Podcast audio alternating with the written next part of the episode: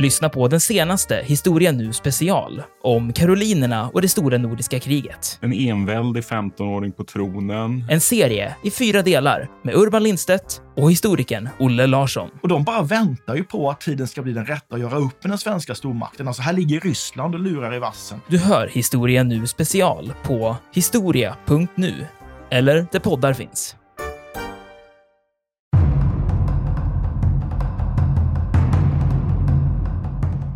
Man kan fundera också hur mycket Francis Drake spelar roll i det här också. Fundera, för han förs ju fram egentligen som den, den spanska habsburgska kronans värsta fiende egentligen.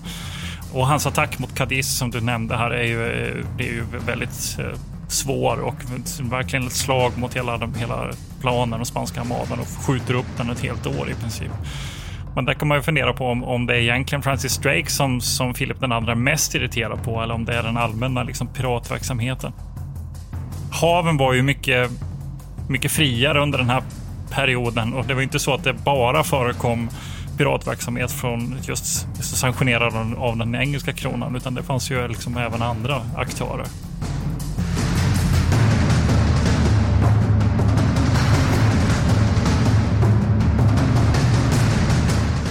Militärhistoriepodden är podden om krig med människor och samhället i fokus. Programledare är Martin Hårdstedt professor i historia vid Umeå universitet och Peter Bennesved, doktor i idéhistoria. Podden ges ut av förlaget Historiska Media. Stöd gärna MH-podden via vårt swishnummer 123 610 76 68. Märk betalningen med MH-podden.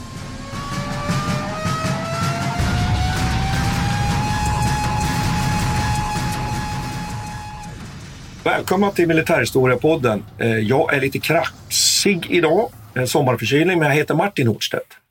Ja, Peter Bennesved heter jag. Jag är inte, känner mig inte så kraxig. Jag har undkommit alla sommarförkylningar.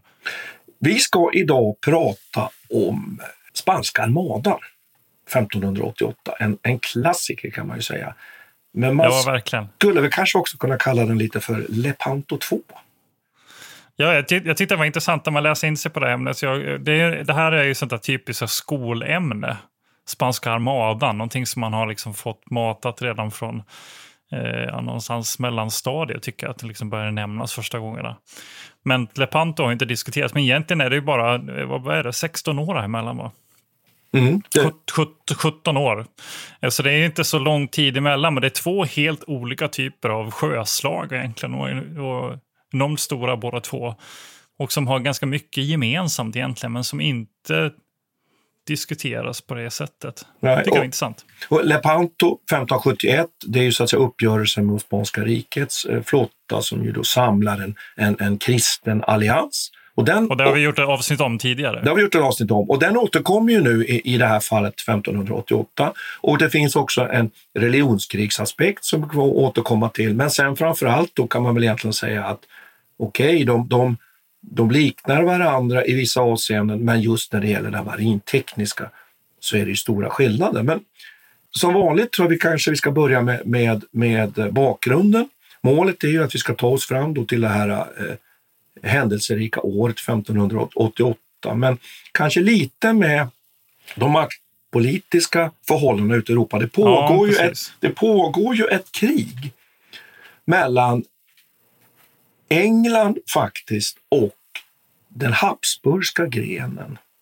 Eh, eller den spanska grenen av det habsburgska riket, den liksom västliga delen av det stora habsburgska riket som ju en gång är, som är, omfattar alltså de centrala, egentligen rikaste delarna av Europa minus Frankrike kan man säga. Och där ju Filip den andre har kontroll över då Spanien, delar av Italien, Sicilien och framför allt då den nya världen, men också det som vi, vi skulle kalla för då kanske Belgien och Nederländerna idag, alltså span, spanska Nederländerna. Alltså det här omfattande rika besittningar i Europa.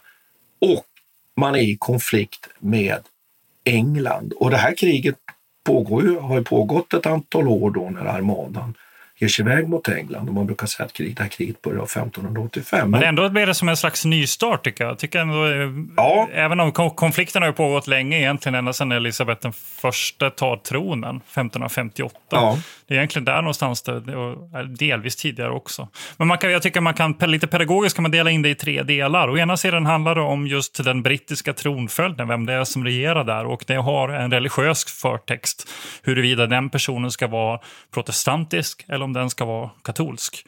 Och sen finns det det här som du sa, Nederländerna och de regionerna där, vem som ska styra över dem och huruvida de ska vara eh, katolska eller protestantiska. Och sen finns den tredje kontexten som är den väst, eh, alltså, eh, vad heter det på svenska, piratverksamheten i, i Västindien och de mm ja, det som sker där borta. Så det är egentligen de tre. Sen finns det ytterligare några saker som irriterar den spanska kronan också. Till exempel britternas relation med Portugal och britternas relation med ottobanerna å ena sidan. Så att de, de, finns också, men de är inte riktigt lika starka. Men framförallt är väl de här tre. Men man kan väl säga, jag, jag tycker det här är intressant. Det blir lite rörigt nu för lyssnarna, men jag hoppas att ni hänger med. Då är det alltså den tidigare kungen Henrik den sjunde. Han vill alltså, nu är vi nere på reformationen. Han vill skilja sig med Katarina från Aragon och detta startar då den brittiska reformationen. Deras arvinge sedan, eh, eller Henriks arvinge sedan, Edvard den sjätte, han dör utan någon arvinge. Så hans halvsyster Mary, som är då är gift med Filip den andre, som är den stora protagonisten eller antagonisten beroende på var man står här då. Hon får överta den brittiska tronen. Mary är galen katolik, kan man sammanfatta och även känd som Bloody Mary och sätter igång en slags kontrareformation då i, i Storbritannien. Och så dör hon 1558 och då tar Elisabeth den första över. Och det här är, blir den stora schismen egentligen mellan Elisabeth å ena sidan och Filip den andra å andra sidan. Jo, får, får jag, så, finns det, ja. så finns det ytterligare, jag får bara avsluta. Det mm. finns ytterligare en person här, Mary Queen of Scots, som är viktig här. Då. Och hon är alltså drottning över, jag vet inte vad man ska kalla den, skotska kronan då. Hon försöker ta tronen av Elisabet här och hon är katolik. Men misslyckas med detta. De fortsätter med ett antal stora liksom plots, en slags subversiva försök. Och Elisabet, för att få slut på detta, avrättar henne 1587. Så det här är en liksom viktig del. Mom deserves the best, and there's no better place to shop for Mother's Day than Whole Foods Market. They're your destination for unbeatable savings, from premium gifts to show-stopping flowers and irresistible desserts. Start by saving 33% with Prime on all body care and candles. Then get a 15-stem bunch of tulips for just $9.99 each with Prime. Round out Mom's menu with festive rosé, irresistible berry chantilly cake, and more special treats. Come celebrate Mother's Day at Whole Foods Market. Quality sleep is essential. That's why the Sleep Number Smart Bed is designed for your ever evolving sleep needs. Need a bed that's firmer or softer on either side? Helps you sleep at a comfortable temperature? Sleep Number Smart Beds let you individualize your comfort so you sleep better together. JD Power ranks Sleep Number number 1 in customer satisfaction with mattresses purchased in-store. And now, save 50% on the Sleep Number limited edition Smart Bed for a limited time. For JD Power 2023 award information, visit jdpower.com/awards. Only at a Sleep Number store or sleepnumber.com.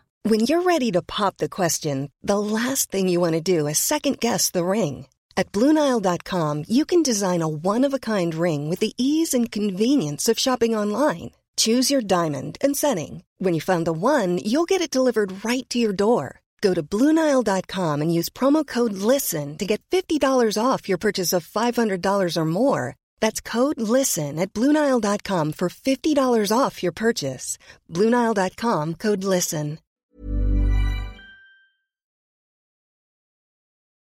Det som är poängen med den här då, Mary Queens of Scots är ju att hon samlar inte bara eventuellt då skottarna, hon faktiskt får ju lämna Skottland i en maktkamp där, hamnar hos Elisabeth ursprungligen egentligen för att ta skydd hos henne. Men som du säger väl på plats då i London börjar att agera för att ta över tronen mot Elisabeth. Eller i alla fall är det så som engelsmännen Elisabeth uppfattar det hela. Och det är ju så att hon också agerar, så att det finns alltså en, en, en verklighet bakom de här misstankarna. Men det, det som är viktigt att komma ihåg här då för det första att man bör nog kanske prata om England, det är viktigt. det brittiska riket och formellt kom ju till först egentligen på 17 Ja. 1700-talet. Men det är en liten detalj i sammanhanget. Det är inte, jag tycker också en annan sak som är, är, är vettig att, att, att kommentera är ju att den anglikanska kyrkan som skapas då Henrik den åttonde, den tanken, och det gör ju han därför att han som du säger vill göra, göra sig av med sina fruar. han vill inte vara under påven. Den är, skulle man kunna säga, lite förenklat någonstans mitt emellan protestantism och katolsk tro. Och det gör att religionsfrågan för Elisabet är inte lika infekterad. Hon är lite mer, vad ska vi säga, liberal i synen på, på de här religiösa inriktningarna. Det tycker jag också är intressant att komma ihåg. Men att det här naturligtvis uppfattas från katolsk sida som ett avsteg, att engelsmännen försöker göra sig fria från den katolska överhögheten i Europa och därigenom också då finns det ju då som ett argument för, i det här fallet nu då, den spanske kungen Filip att liksom agera mot det här kätterska England, så skulle man kunna uttrycka det. Och sen också, precis som du säger, så är det så att när man fattar beslut om att avrätta då Mary Queen of Scots, då går på ett mycket invecklat och märkligt sätt faktiskt den här, vad ska vi säga, anspråken på den engelska tronen går över på Filip den andre därför att det finns släktband mellan de här dynastierna. Så att när vi går in i den här konflikten så finns det då, kanske inte så allvarligt menat, men det används i alla fall, att det finns ett anspråk då från Filip den andre som sitter ju på sitt slott Escorial utanför Madrid och egentligen styr hela den här konflikten ifrån spansk sida. Då. Så det är lite det. Det är precis som du säger. Skulle man kunna kalla det där för en religiös dynastisk eh, konflikt? Ja, ja precis. Ja. Någonting som fick mig att fundera när jag läste om det här, det är väl att och så ofta när vi pratar om konflikter av det här slaget, vad, det, vad är för grunden i dem? Är de religiösa? Är de ekonomiska? Det brukar alltid liksom landa i någonstans att ja, men det här ekonomiska brukar ändå väga lite mer. Och att, men att det, det religiösa, ideologiska gärna används som en ursäkt Mm. eller som ett slags sätt att motivera. Men här är ju när den ideologiska skiljelinjen går i just maktens korridorer. Då är det ju någonting annat. Va? Och, det, och det är då det verkligen tycks bli på allvar att den här ideologin verkligen spelar roll. Vilken hållning man har. Sen har ju den här förstås den, eh, inställningen till, till katolicismen kontra protestantismen har ju också ekonomiska fördelar. Och det vet vi ju från den svenska reformationen bland annat. Att Gustav Vasa var ju mest intresserad av att ha kontroll över kyrkan och ta, ta del av de rikedomar som fanns där. Så det finns ju även det förstås, att man vill ha, ta kontroll över, över kyrkans eh, maktmedel. Men, men det, finns, det är ju intressant där, just när det här sker i maktens korridor bland aristokratin. Och det visar ju också hur litet Europa är vid den här tiden. Det tänker man ju inte på, men det, liksom, det går inte att jämföra med det Europa vi ser idag. Det är så små, det är små kungahus och de är kusiner med varandra nästan allihopa. Mm. Och sen, sen är det som du säger att, att det, är ju, det är ju i norr då, i, i så att säga, Europas nordliga periferi där man just använder sig av den här religiös-politiska möjligheten att göra sig fri då från inflytande från, då, från påven och från, från i Sydeuropa. Och det, och, och det pågår ju nu, man kan också tycker jag, föra in en sak till, att det här är ju på, man ska inte säga att det är Spaniens svanesång, det är nog att gå för långt, men det här är ett led i en process som så, så, så småningom, när vi kommer hundra år senare, eller det räcker nog kanske med 50-60 år längre fram i historien, i mitten av 1600-talet, så har ju Spanien gått tillbaka som en ledande stat i Europa, trots att man har väldiga rikedomar. Och, och då tänkte jag att vi skulle kunna först klara av den andra konflikten som ju du eh, eh, Ja, precis. Två och, till. ja, och då Mm. tänkte jag så att om vi tar den först, och då tänker jag på den, den som pågår i Holland, som ju är en del av den här maktkampen. Men sen att vi övergår till det där, du nämnde ju det här med ekonomi och det här, och den går ju Mm. att koppla till det här, den sista konfliktområdet, nämligen ju hur engelsmännen ju systematiskt ju slår mot liksom Spaniens livsnerv, nämligen möjligheten att få in rikedomar från den nya världen. Men om vi tar upproret i Holland, för att göra en väldigt lång historia kort, så pågår det ju en, en frihetskamp kan man säga, med religiösa förtecken i, i Nederländerna. Och där ju spanjorerna försöker slå ner det här upproret som pågår i Nederländerna och där man då satsar militärt mycket kraftfullt och där det så småningom figurerar ju en får man säga, framgångsrik och skicklig militär befälhavare som heter hertigen av Parma. Och han står alltså med en spansk armé som bedriver krigföring mot Nederländerna. Och holländarna då, de klarar av att hålla den norra delen av det. Det är ju det som vi idag skulle kalla för Nederländerna. Nu är det lite svårt med begreppen här. Holland är ju en del av Nederländerna. Holland är en provins. Ja, Holland är egentligen felaktigt att säga Holland. Det är, det är bara en liten... Det är, det är egentligen sju, är det sju ja. olika småstater. Och Holland är en del samma, av det här ja, Nederländerna. Gröningen ja, och precis. Utrecht och ett gäng andra. Så. så egentligen vet jag inte om vi ska prata om Nederländerna, men, men lyssnarna... Ja, Nederländerna är bättre, för det är egentligen en region, alltså det är hela det här området som är slätt, slättlandskapet mm. blir, finns där. Men då blir det semantiskt väldigt tokigt att prata om Nederländerna, tycker jag.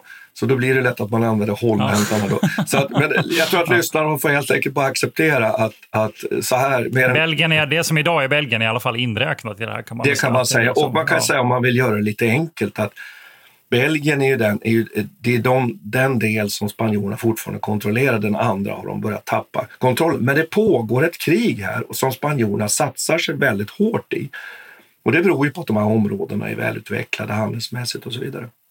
Och att den här hertigen av Parma står med en stor armé som ju sen kommer att spela en roll i, i, i det här armadadramat sen 1508.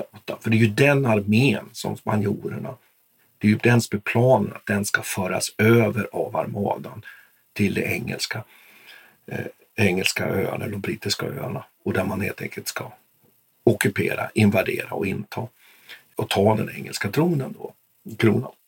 Så att det är liksom det som är här, eh, dynamiken i det här. Och så tycker jag man kan lägga till en sak till också, det, det, eller det kanske vi kan komma till lite senare sen, som har att göra lite med här, eh, de militära förutsättningarna där. Eh, kring det här att föra över egentligen den här armén till England. Men då tycker jag vi kan gå över till den här tredje konflikten som ju som väl i stort sett handlar väldigt mycket om, vad skulle man kunna säga, kolonial ekonomi. Mm. Är det inte rätt att säga så egentligen? Ja, men absolut. Det är egentligen en statsgodkänd piratverksamhet. Ja. som Elisabeth beställer. Bland annat är det den här kända Francis Drake som, som står för mycket av det här. Och många andra också förstås.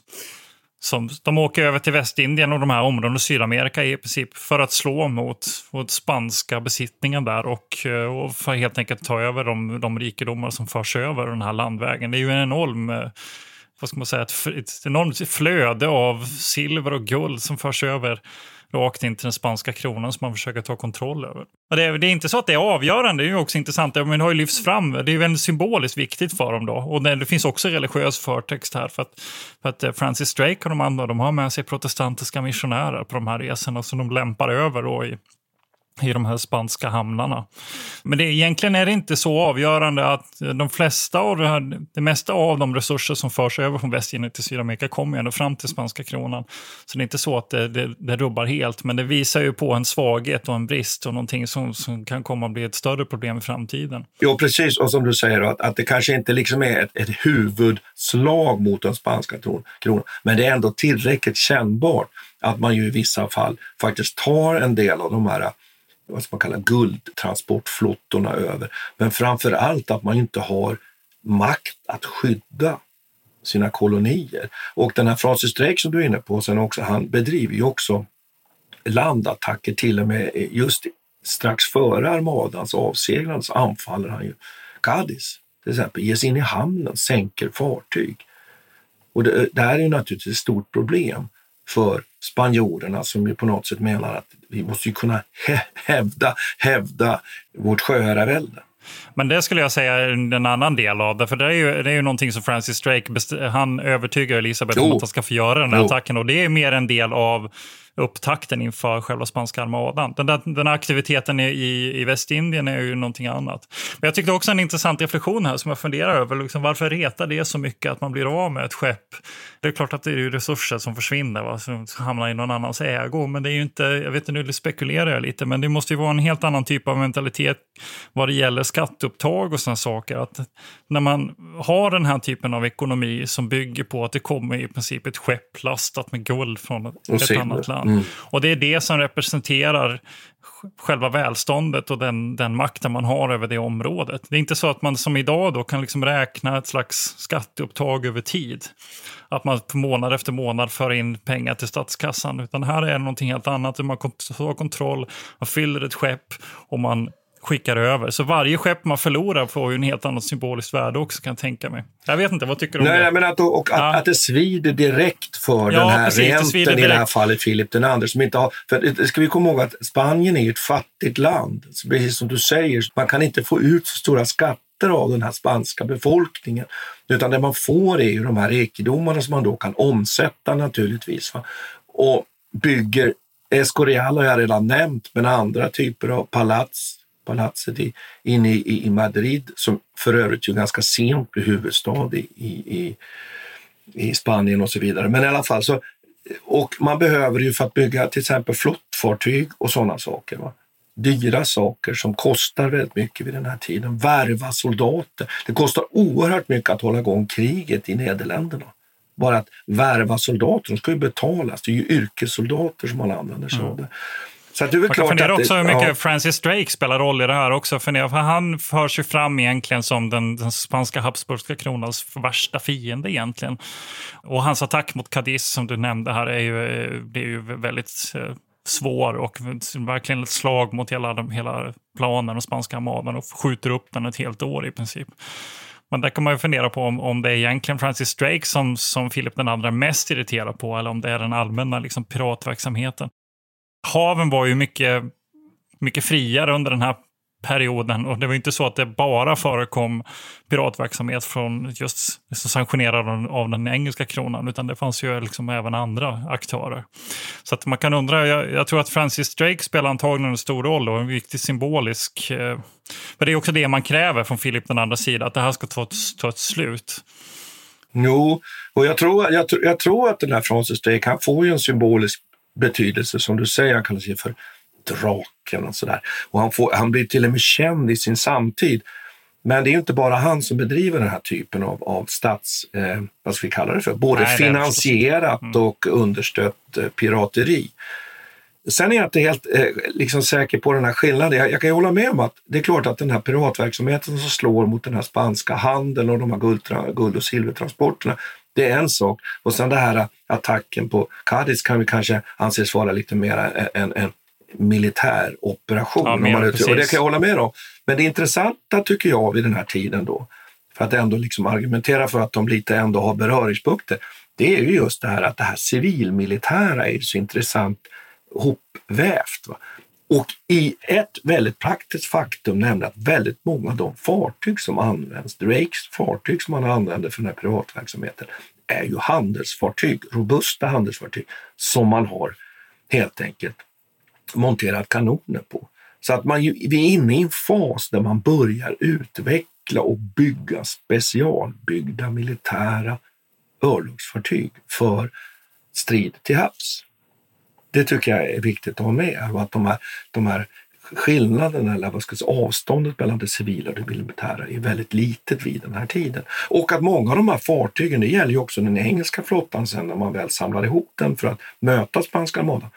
Ja, då äger så att säga kronan eller Elisabeth ett visst antal. Men sen har ju Drake sin privata flotta med där och Hawkins och, och de här. Och det är ju någonting, det är ju en företeelse som, som, som vi kanske tycker är lite märklig idag, att det är på det sättet. Ett hopplock.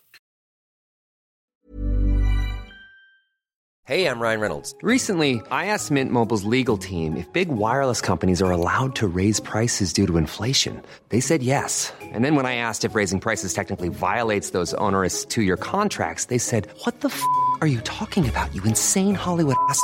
F- So to recap, we're cutting the price of Mint Unlimited from $30 a month to just $15 a month. Give it a try at mintmobile.com slash switch. $45 upfront for three months plus taxes and fees. Promo for new customers for limited time. Unlimited more than 40 gigabytes per month. Slows. Full terms at mintmobile.com. Even on a budget, quality is non-negotiable. That's why Quince is the place to score high-end essentials at 50 to 80% less than similar brands. Get your hands on buttery soft cashmere sweaters from just 60 bucks, Italian leather jackets, and so much more. And the best part about Quince, they exclusively partner with factories committed to safe, ethical, and responsible manufacturing. Elevate your style without the elevated price tag with Quince. Go to quince.com slash upgrade for free shipping and 365-day returns. Quality sleep is essential. That's why the Sleep Number Smart Bed is designed for your ever evolving sleep needs. Need a bed that's firmer or softer on either side? Helps you sleep at a comfortable temperature? Sleep Number Smart Beds let you individualize your comfort so you sleep better together. JD Power ranks Sleep Number number 1 in customer satisfaction with mattresses purchased in-store. And now, save 50% on the Sleep Number limited edition Smart Bed for a limited time. For JD Power 2023 award information, visit jdpower.com/awards. Only at a Sleep Number store or sleepnumber.com.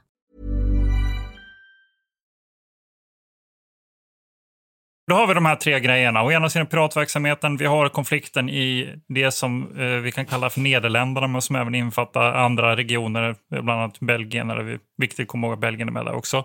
Och sen har vi Mary, avrättandet av Mary Queen of Scots som egentligen sätter punkt för Philip den andres försök att ta över den engelska kronan och tillsätta en, en katolsk regent där.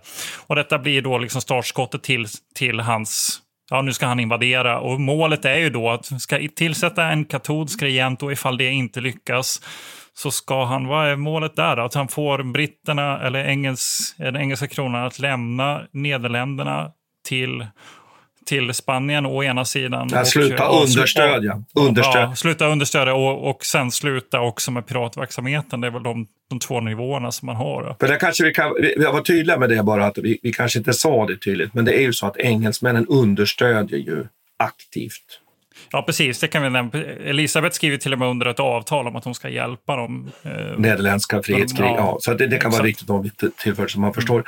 Mm. Och alltihopa det här, det, det, det sammanfattas väl så småningom då i ett beslut från Filip den andra sida att man har en plan där man tänker sig för att åstadkomma det här som du skissar så skickar man en stor armada därför man menar att vi är överlägsna till havs.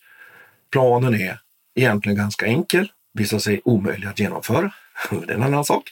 Nämligen att ta sig helt enkelt till kusten, den holländska kusten, låta hertiginna Parma delar av hans armé gå ombord, överföra den till det brittiska fastlandet och helt enkelt erövra den engelska kronan. Punkt. Ja, det var sikta mot Solentsundet som ligger i Portsmouth. Ja.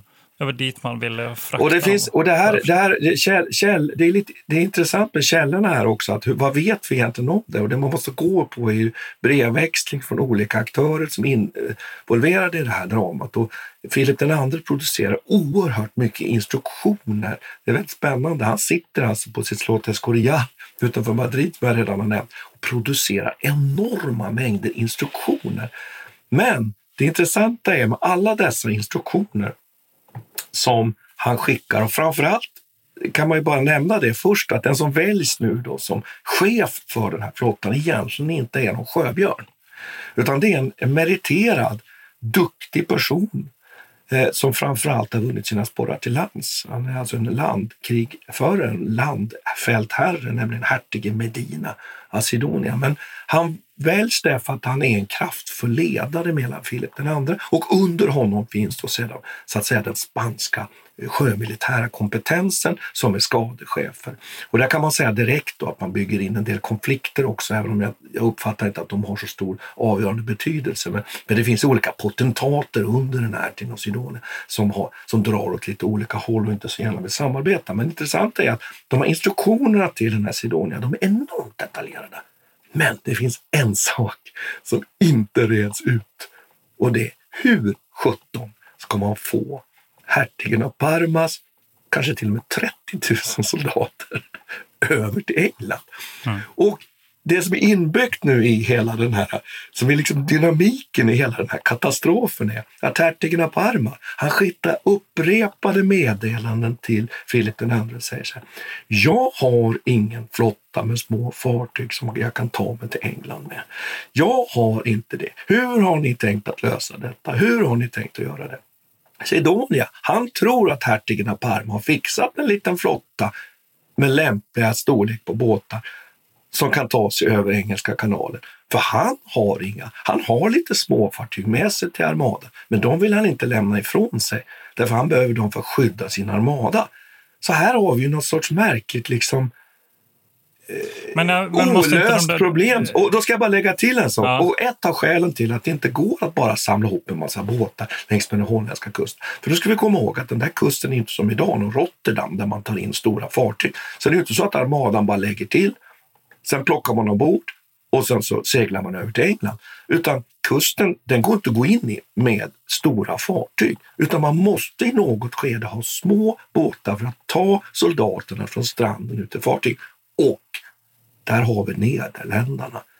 De har en flotta av visserligen små fartyg, men de är flatbottnade och de kan operera i det här området mellan kust och djupare vatten. En skärgårdsflotta skulle man nästan kunna säga att de har. Och det här vet hertigen av Parma. Så han vet att om jag nu samlar ihop båtar, ger mig ut, ah, då kommer, kommer Nederländerna och Holland att sopa bort de här fartygen. De kommer bli skjuta på sittande fågel där ute i sina små fartyg. Men det här förefaller inte Filip den andre, hertigen av Sidonia, förefaller inte riktigt heller veta om man ska lösa det här. Och det är ju här sen så småningom som allting egentligen kraschar. Och det här tycker jag är så fascinerande. Hur kan man samla ihop denna enorma armada och ha denna, får man säga, gigantiska plan? Men man löser inte det helt avgörande problemet. Mm. Men hur många skepp har man med sig? Är det 130 fartyg? Ja, man räknar med att 130 fartyg och då är det olika Ja. kategorier här. Dels är det ju militära fartyg, alltså sto- stora galjoner som är byggda för militär strid eller i alla fall ombyggda för militär strid. Ofta kraftfulla fartyg, till och med uppåt 1000 ton stora fartyg. Vi tar till exempel det här det stora San Martin som ju är, är Sidon, här Sidonias eh, flaggskepp, det vägde tusen 1000 ton. Enorma fartyg. Och sen finns det då ombyggda då både handelsfartyg av olika kategorier som är då beväpnade. Med, med och sen finns det också som fyra galeasser med, eller hur? Från Genua. Från Napels. Ja. Från Neapel, förlåt. Från Neapel. Ja. Eh, Galeasser är ett fartyg som är med och vinner slaget vid Lepanto, eller hur? Mm. Som är någon form av hybrid, visst är det så Peter? Alltså, eh, som du kan ro men som samtidigt är bredsidesfartyg. de har en slags Ja. kanontorn längst fram. Ja, kan- men också ja. kanoner längs med sid, alltså ett bredsidesfartyg. Sen har man till och med med fyra galärer. Och man räknar med ungefär med att sammanlagt ungefär 30 000 man på den här gigantiska armadan som sen så småningom lämnar då Lissabon i Portugal. Det är intressant kan vi konstatera att här erövrar Filip den andre faktiskt Portugal de här åren innan armadan går. Och där kan man säga att de främsta örlogsfartygen i armadan kommer faktiskt från Portugal. Och så räknar man med att ungefär 19 000 soldater som dels kan användas för att landstiga, men som framför allt då hänger ihop med att spanjorernas sjömilitära taktik, den går ju ut på stora fartyg, höga fartyg med enorma uppbyggda, kan man säga, nästan tornliknande konstruktioner i för och akter på fartygen. Och hela krigföringen, taktiken till sjöss, den går ju ut på att skjuta några skott med kanonerna, komma så nära motståndaren som möjligt och sen äntra. Så det, därav alla dessa soldater. Så det är ett myller av soldater ombord på de här spanska fartygen. Men är det de här hamn, de här, alla de här handelsfartygen som fyller på här utöver de här krigsfartygen? För de, är- som du säger, de är ju väldigt få. Va? Mm. Men alla de här Koggar handelsfartygen och som också... och alla möjliga precis, olika, alla de som följer med. Är det de som de har för att svara på din fråga där då? Eller försöka liksom komma åt den? Är det de man har tänkt sig, som Filip den andre tänker sig, ska användas så som de här transportfartygen? Nej. Eller är det, saknar de kunskap om, om eh, liksom den, den nederländska kustremsan? Ja. Alltså, Det är det, som är, så intressant. Att, att, Ja. att de för, det, är så, det är på något sätt, om man får uttrycka sig så, det är så korkat. Och det, särskilt som hertigen av Parma ju gång på gång försöker. Så det som händer här är ju att hertigen av Parma, han gör inga förberedelser. För han väntar på instruktioner, han väntar på svar. Eh, för att han menar att det är helt meningslöst. Det går inte, han, han menar att vi måste först sopa undan de här flatbottnade holländska då, skärgårdsflottan, om man uttrycker sig så. Sen kan- Alternativt rekvirera dem. rekvirera dem eller Mm. på något, lösa det. Och han tror ju hela tiden att det är klart att den här av Sidonias arm, armada, de kommer ju med de där transportfartygen till mina soldater. Så det hela slutar ju liksom med här egentligen då att ingen vet vad den andra gör och ingen gör någonting. Och så sitter Filip den andre på Escorial och skickar order. Men det är det ju märkligt om man sätter det här lite, där, nu har du varit inne på jämförelserna här med att har med sig galärer och galeasser och vi nämnde Lepanto som ändå får betraktas som en ganska lyckad operation. Även om jag kommer ihåg att de hade rätt mycket problem där också. Att man har problem med resurser och proviantering och, och vatten och sådana saker. Men det är ändå en operation där man lyckas samla alla de här olika kontingenterna och liksom lyckas slå till. Men här saknas den. Och jag, jag vet inte om man också kan inräkna en viss typ av eh, tvehågsenhet kanske från, eh, från Spaniens allierade. För man måste komma ihåg att nu fienden är ju en annan. Va? Och jag tänker, det, det kanske spelar roll i det här sammanhanget att de kanske inte får rätt stöd. De kanske inte får eh, rätt underlag för att genomföra den här. För att påven är också lite, han är ju för. Va? Ja, han är för och han, Men- han men är, också- kommer han med är resurser. tveksam. Och man använder ju Ja. till och med samma symboler, till och med fanor som man Ja. har använt i slaget vid Lepanto. Precis, men man är tveksam till om verkligen Filip kommer lyckas med den här. Mm. För påven är väldigt imponerad av Elisabeth den förstes sätt att regera och är rätt övertygad om att de kommer sätta hårt motstånd. Portugal är inte heller helt för det här, men de föredrar ett slag för, för katolicismen före eh, en slags brittisk eller engelsk hegemoni. Venetianerna är inte heller helt intress- inte nödvändigtvis helt Nej, för det här. nej. För att de tycker inte riktigt om den här spanska makten över Medelhavet. Så att det finns en slags ett, ett motstånd här och, de, och britterna var inte deras naturliga fiende heller. Jag vet inte om en, en sån kan, kontext kan spela in. Att det, är det, här, det här är Filip den andres högmod, hans eh, messianistiska imperialism som det har kallats också.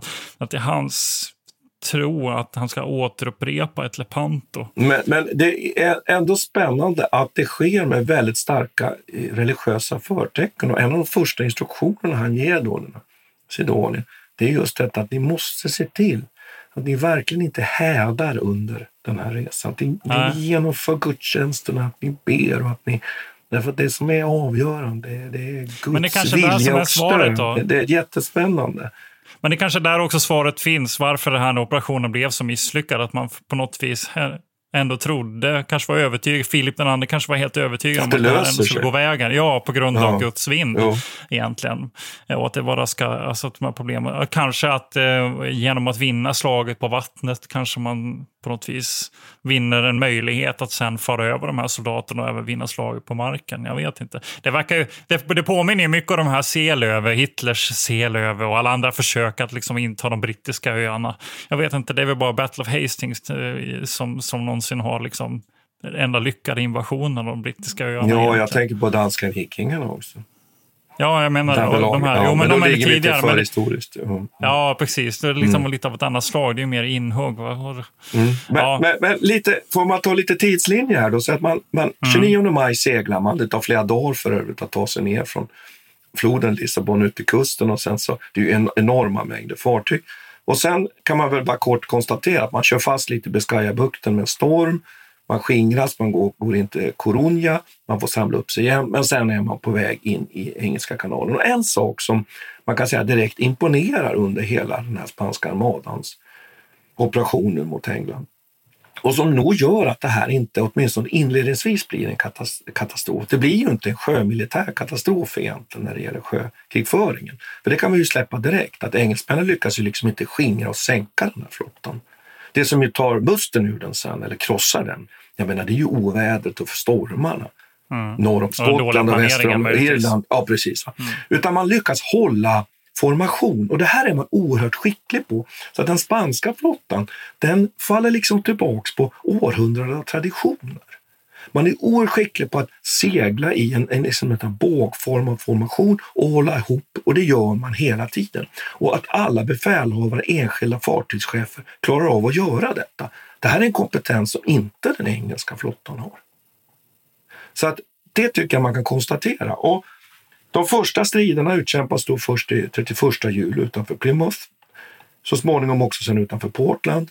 Man gör ett försök att, att gå i land på Isle of Wight, för det här är faktiskt en plan som har figurerat i planeringen, men som Filip II inte är pigg på. Fransmännen har nämligen gjort det här vid tillfället, tagit, tagit Isle of Wight. Och tanken var, och det misslyckades ju den, eh, den operationen, men spanjorerna tänker att tar man Isle of Wight då kan vi ha, ha en bas. Dit kan vi sen föra soldater och sen är det inte så långt över till engelska kusten. Och Sidonia, han Nej, det är bara ett litet sund. Det är, det är där, det är där som, exakt, det är det som är Solentsundet, sundet som jag nämnde innan. Det ligger däremellan. Och Sidonia, han, han gör till slut sig skyldig till faktiskt att frångå instruktioner från Filip II. Så han bestämmer sig faktiskt, när man är mitt inne i Engelska kanalen, att det är det här vi ska göra. Nu går inte det, därför att engelsmännen hindrar den spanska flottan med sin flotta. Men också därför att nu kommer vi till nästa sak som, är så, som, jag, som, som jag tycker är så märklig med den spanska armadan. Man har inte koll på ebb och flod och strömmar och vindar i Engelska kanalen. Så det här spelar ju den spanska armadan väldiga spratt hela tiden. Att det går inte helt enkelt att segla hur som helst. Och det här känner ju engelsmännen till naturligtvis. Så det gör att man kommer, om för att göra eh, eh, en lång historia väldigt, väldigt kort, så kan man man kommer helt enkelt inte in till Isle of Wight mycket därför att det strömmar och vinden blåser åt fel håll också. Så här har vi också, tycker jag, någon, någon form av inkompetens, om man får uttrycka sig så. Där Guds försyn knappast kanske kan lösa det där, om man uttrycker sig så. Då. Eh, så småningom så ankrar man upp utanför Calais. Man försöker få kontakt med hertigen av Parma. Det får man inte. Hela det där historien i historien, hur man skickar kurirer, det är oerhört skrattretande. Och det tar ju dagar naturligtvis, veckor för de här att få kontakt. Där de kommer fram är ju informationen och nyheterna förlegade och så håller man på så här. Så egentligen famlar mamma. Det är liksom två blinda personer som försöker hitta varandra på något sätt här. Den ena i en flotta ute i Engelska kanalen och den andra hertigen av Parma Eh, inne i Nederländerna. Och hertigen av Parma har ju jättestort problem. Han måste betala sina soldater, annars kommer de att lämna hans armé.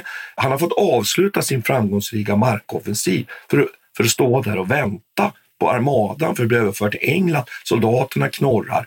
Så situationen är ju väldigt kaotisk och nästan lite tragikomisk för den här spanska krigsinsatsen. Det som händer utanför Calais då, det är ju att engelsmännen skickar brännare den 7 augusti mot den spanska flottan. Den spanska flottan måste lätta ankar. Den hamnar nu för första gången i oordning. Men då bestämmer sig engelsmännen för att felaktigt och anfalla de här enskilda fartygen som kommer efter istället för att verkligen en masse anfalla hela den spanska armadan. Och sen utkämpas sig dagen efter då ett, ett slag, då det riktigt stora slaget där, där spanjorerna mister och tappar ett antal fartyg. Då. Slaget vid Gravelins den 8 eh, augusti. Då, så det är en stor fördel. Men nu tycker jag att vi skulle kunna ta en diskussion då, för nu har vi pratat om den spanska armadan och dess marintekniska, mm. så att säga, eller taktiska mm. tankar vid den här tiden. Hur var det då med den engelska flottan? Ja, det är intressant att de lägger om sin taktik. Här. De testar ett nytt sätt. Ja. Och det som du pratade tidigare om att det här är en era där man börjar bygga skepp som ja. faktiskt är anpassade för krigföring och inte bara är liksom ombyggda handelsfartyg. Så det, finns ju, det är en slags skiljelinje här. Och ett problem är ju att på den spanska sidan så har man ju byggt upp fartyg som egentligen inte, som du nämnde, inte är ämnade att ligga och skjuta på linje gång, gång efter gång. Utan man ska lägga några salver och så ska man äntra den andra. Ungefär som man gjorde i Lepanto. Ja.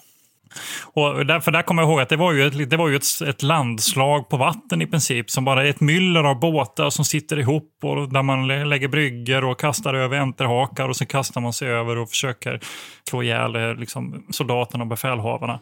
Spanien försöker lite samma taktik här, va? men britterna är ju, de är ju innovatörer på det viset att nu, nu prövar de någonting nytt. Nu har de fartyg med ett 30-tal kanoner istället, lägger upp och provocerar den här första salvan. Det är ju intressant rör sig nära de spanska fartygen för att provocera deras första salva, möjligtvis andra, för att sen gå in och bara skjuta så mycket de kan, flera salver. Tänk att det kommer så sent ändå som 1588, men här ser vi ju den här linje, linjetaktiken som sen liksom Nelson ska, ska ja, blomma ut i, om man uttrycker ja, Men, men, men, några detaljer här som är intressanta. Dels är några figurer. Jag tycker att den här John Hawkins är intressant. Han, han finns och då kan man ju fråga sig om Elisabeths storhet egentligen här är att han är, hon är duktig på att se de här personerna också. Och han börjar ganska tidigt att bygga speciella krigsfartyg, plocka bort de här höga överbyggnader som egentligen bara gjorde fartygen dåliga seglare bestycka dem mycket tyngre som du har varit inne på. Om vi tar den här Revenge till exempel som är ett av de här fartygen som produceras Mm. Francis Drakes fartyg. Precis, Francis Drakes Mm. eh, eh, flaggskepp under, under striderna i, i Engelska kanalen då mot Armada. 34 kanoner, ungefär 400 ton. Mindre än, än San Martin, det här jättestora spanska galjonen visserligen. Men som har då långskjutande bronskanoner som är mynningsladdade och som kan skjuta då en, en projektil med mycket, mycket högre utgångshastighet. Därför att kanonerna, de tunga fartygskanonerna, var faktiskt bakladdade. Där man lyfte ur en del av slutstycket, stoppade in laddningen, stoppade tillbaka och sen sköt. De var inte helgjutna heller utan hopbyggda av delar, vilket gjorde att det liksom trycket i dem där man uttrycker sig så. Mycket av trycket från rökgaserna när man avfyrade de här kanonerna försvann och gav inte energi till kulan så att den liksom kom lobbande iväg den där kulan. Medan i den här nya typen då av kanoner, kulvertinerna, som, som man använder, kulverinerna som man använder då på de engelska fartygen, mycket, mycket högre utgångshastighet. Men man kan ju jämföra då att om man tänker sig nu, här är 1588 Revenge 34 kanoner, men bara några årtionden senare så har man ju utvecklat detta. Då börjar man ju komma in på de här, som du säger, riktiga linjeskeppen. Vårt eget Vasaskepp, 48 kanoner i två stycken batteridäck.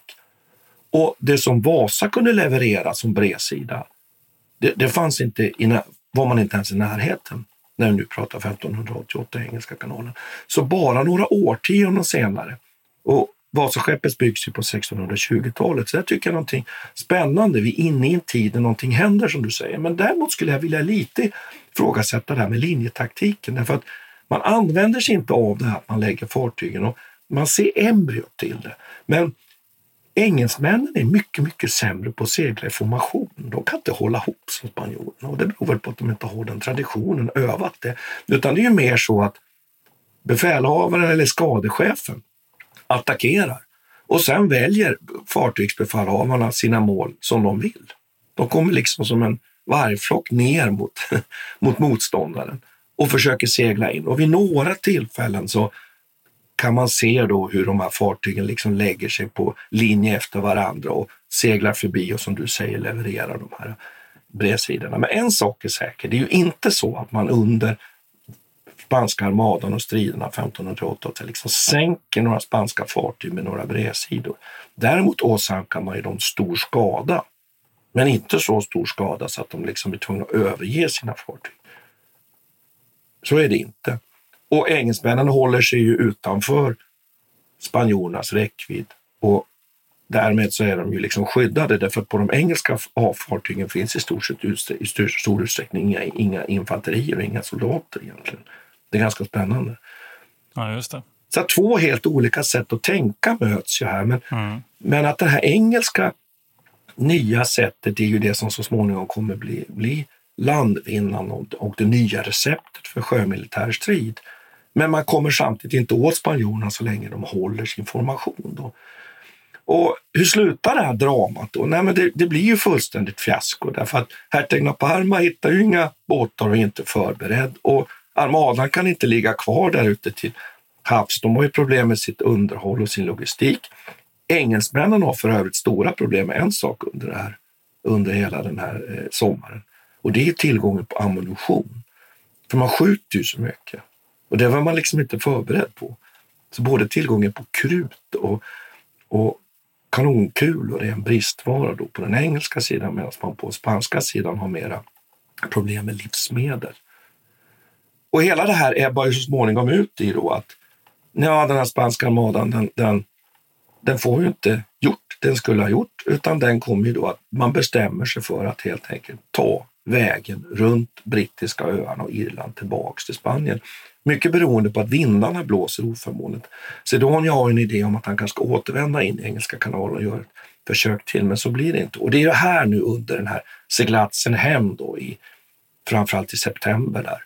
Man kommer tillbaks under sista veckan i september kommer de flesta fartygen tillbaks. Då, då mister man ungefär 50 fartyg som förliser helt enkelt. Då. Men det är huvudsakligen eh, de här ombyggda handelsfartygen. Det är egentligen inte de huvudsakliga Nej, de välbyggda stora fartygen klarar sig. Ja. Så att egentligen är det ju inte armadan, den, den väsentliga delen av armadan försvinner ju inte. Nej, inte krigsfartygen. Nej. Nej. Men det är ju intressant, en detalj där. Det finns ju, det finns ju en skröna då om att vid den här första attacken med, med eldskepp som britterna genomför mot Calais, att eh, de spanska fartygen var tvungna att hugga av sina, eh, Ankar. sina ankar. Ja, just det. Ja, Jo. För att kunna komma undan där och kunna segla iväg så snabbt som möjligt och få undkomma de här eldfartygen.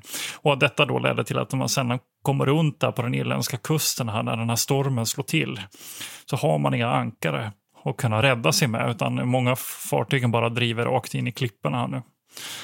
Ja, en, en skröna, men jag vet inte hur... eh, Nej, men en detalj är också kring den här, Mm. den här brännarfartygen. Där, att oftast brukar man ju ta lite mindre båtar och skicka in som brännare. Alltså hela tekniken går ju ut på att man helt enkelt sätter fyr på ett fartyg som man sedan låter driva in i motståndaren när vinden ligger på rätt. Och här väljer man då från engelsk sida, för man lyckas inte få fram de här småfartygen utan man väljer helt enkelt ut stora fartyg. Och det berättas då vid det här krigsrådet att, att Drake då direkt anmäler ett av sina fartyg för att kunna då brännas. Och då tömde man dem och stoppade på allt möjligt brännbart på de här fartygen. Och spanjorerna var livrädda, för det var nämligen så att, att eh, engelsmännen hade använt sig av en teknik i samband med belägringen av Antwerpen tidigare i historien, där man hade gjort en form av fördröjd sprängverkan ombord på ett fartyg. Man hade drivit in mot hamnen, tagits om hand och sen, Badoom! small mitt inne i hamnen har det dödat hundratals spanska soldater. Man var livrädd när man såg de här fartygen. Och det var till och med så då att hertigen Sedona hade liksom gett- gett order om att man fick absolut liksom inte ta, panika då här, utan man måste hålla ihop formationen. Vilket man ju faktiskt lyckas liksom bitvis göra. Och det är mer att engelsmännen fattar lite fel beslut, att man anfaller de här eftersläntrarna istället för att attackera flottan som jag sa då. Mom deserves the best, and there's no better place to shop for Mother's Day than Whole Foods Market. They're your destination for unbeatable savings, from premium gifts to show-stopping flowers and irresistible desserts. Start by saving 33% with Prime on all body care and candles. Then get a 15-stem bunch of tulips for just $9.99 each with Prime. Round out Mom's menu with festive rosé, irresistible berry chantilly cake, and more special treats. Come celebrate Mother's Day at Whole Foods Market. Mom deserves the best, and there's no better place to shop for Mother's Day than Whole Foods Market. They're your destination for unbeatable savings, from premium gifts to show-stopping flowers and irresistible desserts. Start by saving 33% with Prime on all body care and candles. Then get a 15-stem bunch of tulips for just $9.99 each with Prime. Round out Mom's menu with festive rosé, irresistible berry chantilly cake, and more special treats. Come celebrate Mother's Day at Whole Foods Market. Planning for your next trip? Elevate your travel style with Quince. Quince has all the jet setting essentials you'll want for your next getaway, like European linen, premium luggage options, buttery soft Italian leather bags, and so much more. And is all priced at 50 to 80% less than similar brands. Plus, Quince only works with factories that use safe and ethical manufacturing practices. Pack your bags with high-quality essentials you'll be wearing for vacations to come with Quince. Go to quince.com slash pack for free shipping and 365-day returns. Men jag skulle vilja kommentera en sak till faktiskt och det är att nu har vi pratat om det här som en sjödrama, men i land i England händer någonting väldigt spännande, nämligen att man ju mobiliserar ju naturligtvis och bygger upp en landarmé. Man skriver ut soldater och man börjar utbilda. Och här visar sig Elisabeth vara en väldigt kapabel ledare. Hon besöker de här härlägren och håller berömda och väldigt uppmärksammade tal till de här församlade soldaterna och visar sig vara någon form av samlande kraft. För man visste ju inte ända till dess att man hade fått klart för sig att den här madan, för när den försvinner ut där sen på Nordsjön, då vet man inte riktigt vad den är. Men så småningom får man klart för sig att den har rundat och Skottland och då inser man att nu är faran över. Men man är ju livrädd, så man förbereder sig ju på att, så att säga, slåss på, på stränderna och i, i land om spanjorerna kommer. Fight on the beaches. Fight on the beaches och så vidare, on the hills and in the streets och så vidare. Då, va? Men, men, och det här tycker jag är en spännande sekvens också, att, att den här Elisabeth framstår som en väldigt kapabel krigsledare. Hon säger att jag är, liksom, jag är feminin och har en klen kropp, men jag, jag har ett starkt hjärta, och, och, och, säger hon då. Och, och jag kommer inte att vika ner mig och jag kräver detsamma av er. Och Det där tycker jag är, ett, är en spännande sekvens. Och här någonstans skulle man, skulle man kunna spekulera i eller säga, och det finns historiker som menar att här är det lite take-off för England sen så småningom begynnande storhetsperiod som global sjömakt och kolonialmakt. Man kan ju inte säga att det kommer direkt efter spanska armadan. Det gör det absolut på, inte. På, på sikt. Nej, det gör det inte. Men här ändå ser vi kanske en viss take-off. För det är ju, visst är det ju så, Peter, att engelsmännen faktiskt rustar ju en armada själv året efter. Jo, absolut. Alltså det här är ju ett krig som pågår under ganska lång tid. Det är först från 1604 som man egentligen ja, och Elisabeth tar över. Ja, hinner ja. ju dö.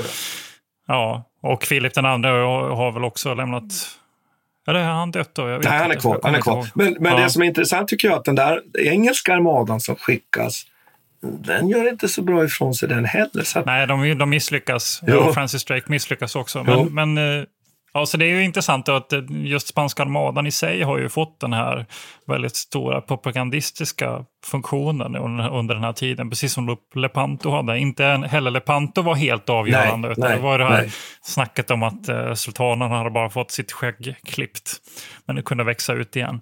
Och lite så var det ju även här. Va? Det till Filip, de flesta krigsskeppen klarar ju sig och de lyckas ta sig tillbaka till Spanien och eh, det händer egentligen inte så mycket. Och även den här piratverksamheten och det som har varit, som tidigare varit ett stort problem för spanska kronan, det lär man sig också köra i konvoj från Sydamerika och Västindien. Så man löser det problemet i princip. Och, och britterna har väldigt stora problem och faktiskt åsamkar de större skada på sikt. Så det tar, flera, det tar flera decennier innan det här kriget egentligen får någon effekt för, i fråga om liksom, brittiskt världsherravälde över havet. Jag kommer vi diskutera det här mycket i samband med Nelson och, och eh, revolutionskrigen. Att det är först då som det brittiska imperiet verkligen växer fram. Och det ligger nog någon eh, sanning mm. i det. Men det är klart att de upptäcker ju, och de blir ju en sjöfararnation på ett nytt sätt. Francis Drake då, som är den här stora hjälten på brittisk sida, han gör ju också en väldigt känd som världsomsegling runt havet. Och, så. och några av de andra också, det finns väl en till som är Cavendish tror jag, som gör en liknande resa. Så att de, de tar ju steget ut från Europa. Mm på ett helt nytt sätt. Och våga sig ut på haven och, och blir också en, en eh, vetenskaplig nation under Elisabeth den första styre och har många, många viktiga personer under sig och får liksom ett eh, väldigt rikt intellektuellt liv under den här perioden. Det finns ju skäl till att man kallar det här för the golden age. Jag vill också rekommendera lyssnarna och titta, om ni inte redan sett den så finns det en väldigt känd film med Kate Blanchett från 2007 som heter just Elizabeth the golden age som är en mycket bra film. Det finns en väldigt känd scen där när hon står vid, den är väl givetvis helt påhittad, va? men när hon står där vid Dovers klippor och tittar ut mm -hmm. över den här stormen och ser de här spanska skeppen brinna. Mycket kraftfull scen. Givetvis helt fiktiv, men liksom- jag rekommenderar att titta på den. Nej, men så, så man ska komma ihåg det, att spanska armadan är likt Lepanto, är det för den protestantiska sidan så är det här en propagandavinst framför allt som egentligen inte har så jättestor utgång för, för, för själva kriget i sig. När det här slutar sen 1604 då är det en ny kung eh, som skriver på som kanske inte har samma vad ska jag säga, religiösa ambitioner som Elisabeth hade. Hon var ju ändå försvarade sin, sin uppfattning in i det sista. Men i, i slutändan så, så leder det till eh, egentligen inga större förändringar för Nederländerna heller, eller det, det som är det nederländska området. Men däremot så är ju den, den engelska kronan är ju fredad i och med den här freden. Jag kan bara säga. Och skulle man, ja. skulle man lite, det, där, det tycker jag var början på en bra, bra liksom uppsummering här. Att skulle man lägga till där då så kan man säga att det kommer vissa ingredienser när det gäller det marintekniska här. Med speciella militära fartyg, liksom inte första gången, men, men den genomförs systematiskt. Man ser att det börjar en teknikutveckling här mot det som sen blir linjeskeppen, kulveriner, nya typer av, av, av artilleripjäser, nytt, nytt eh, tänkande. Men också tycker jag, om man nu skulle säga så lite, vi har ju varit lite inne på det här att också det här att det marina har betydelse för det här handelsekonomiska. Det här med att ha en flotta, att det har så stor betydelse. Och att det, det där liksom militärteoretiskt är lite intressant just det där att, att just att ha en flotta som kan slå och att man då kan erövra världen därför att det är ju vattnet som man transporterar saker på. Det tycker jag väl är också en, en, en viktig, viktig ingrediens här. Vi säger också att det kan vi nämna med att vi ser till enande av de brittiska öarna också på ett sätt inför en, ny, eh, inför en extern fiende. Så det intressant att, att Elisabeth har ju faktiskt den skotska drottningen blir ju avrättad. Så det blir inte så bra relation här. Men hennes son som faktiskt är protestant, James, får en väldigt bra relation till Elisabeth trots att, han, att hon har avrättat hans egen mor. Va? Och han eh, ställer ju upp på Elisabeths sida och ser till så att de här, den här spanska armadan, när den, när den rundar Skottland så får de inget som helst stöd. Så där ser man också ett närmande av de här två kungarikena. För tidigare har det en väldigt konfliktfylld relation mellan dem. Men här ser man också ett närmande som sen kommer leda liksom till att Storbritannien blir Storbritannien. Också en intressant konsekvens av spanska armadan. Mm.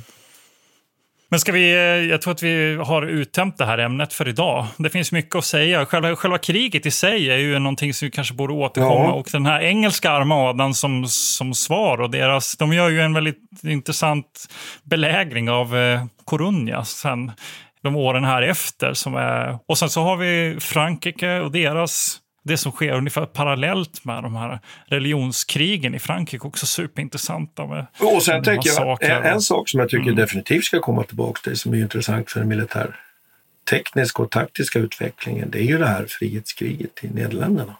Som ju föregår mm. faktiskt så småningom 30-åriga kriget och den taktiska utvecklingen med Gustav II Adolf och så vidare. Så det tycker jag nog att mm. Maurice Nassau och så vidare, de här militärledarna där. Eh, I övrigt har jag bara en sak att meddela med faktiskt. Nej, jag har gift mig.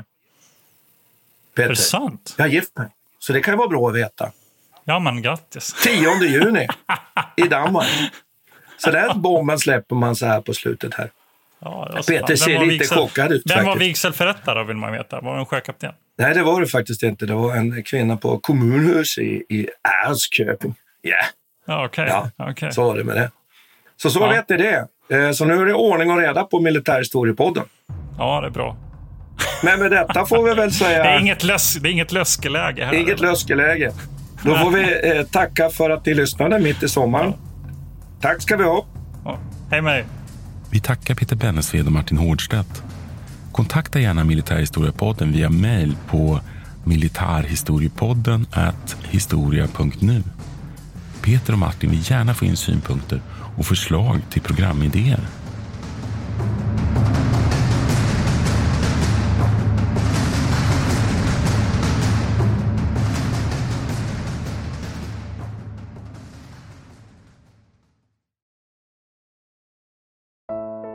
Iran har under 1900-talet genomgått tre omvälvande revolutioner som orienterat landet antingen mot västerlandets modell eller mot en auktoritär styrelseform. Idag pågår en social revolution i landet som vänder sig mot det islamistiska styret och vars anhängare har Europa och väst som förebilder. I en viktig bok ger idéhistorikern Mohammad Faslashemi en djupare förståelse för dagens dramatiska händelseutveckling. Iran mellan tre revolutioner är utgiven av förlaget Historiska Media. Beställ den fysiska boken på förlagets hemsida historiskamedia.se eller köp den i en bokhandel nära dig.